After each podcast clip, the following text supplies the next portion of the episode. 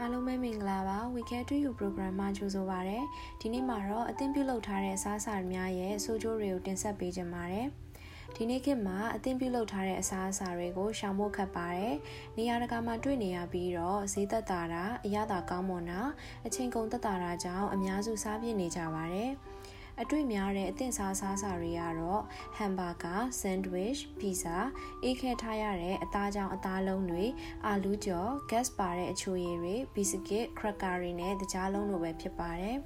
ဒီလိုမျိုး junk food တွေက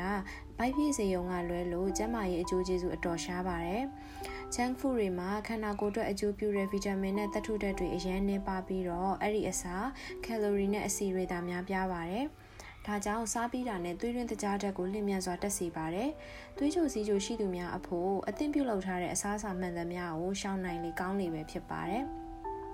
ဒီလိုအစာတွေကိုအစားများခြင်းဟာအဝလွန်ခြင်းကိုလည်းအားပေးပါတယ်။အဝလွန်ခြင်းကအမျိုးအစားနဲ့သွေးကြိုစီးကြိုဖြစ်ပွားစေတဲ့အကြောင်းရင်းတစ်ရပ်အဖြစ်လည်းပါဝင်နေပါတယ်။ junk food တွေမှာအငံဓာတ်ဆိုဒီယမ်တွေလည်းအများကြီးပါဝင်တာကြောင့်သွေးတိုးယောဂတွေလည်းဖြစ်နိုင်ပါတယ်။ monosodium glutamate လို့ခေါ်တဲ့အချိုမှုန့်တွေလည်းလွန်ကဲတတ်တာကြောင့်အယိုးပွားခြင်းတွေလည်းဖြစ်နိုင်တယ်။ junk food တွေကိုပြုလုပ်ရမှာပြေးဝစီနဲ့ပြန်ကြော်စီတွေကိုအသုံးများတာကြောင့်သွေးရင်းမှာမကောင်းတဲ့အဆီရက်တွေကိုလည်းတက်စေပါတယ်။ ခြုံပြောရမယ်ဆိုရင်လူတိုင်းအခုလိုမျိုးအသင့်ပြုလုပ်ထားတဲ့အစားအစာများရှောင်နိုင်သမျှရှောင်ကျဉ်သင့်ပါတယ်။သွေးကြိုစီးကြိုသမားများကတော့အထူးရှောင်ရှားသင့်ပါတယ်။ဒီနေ့တင်ဆက်ပေးသွားတာကတော့အသင်ပြုလုပ်ထားတဲ့အစားအစာတွေရဲ့စိုးကျိုးတွေပဲဖြစ်ပါတယ်ရှင်။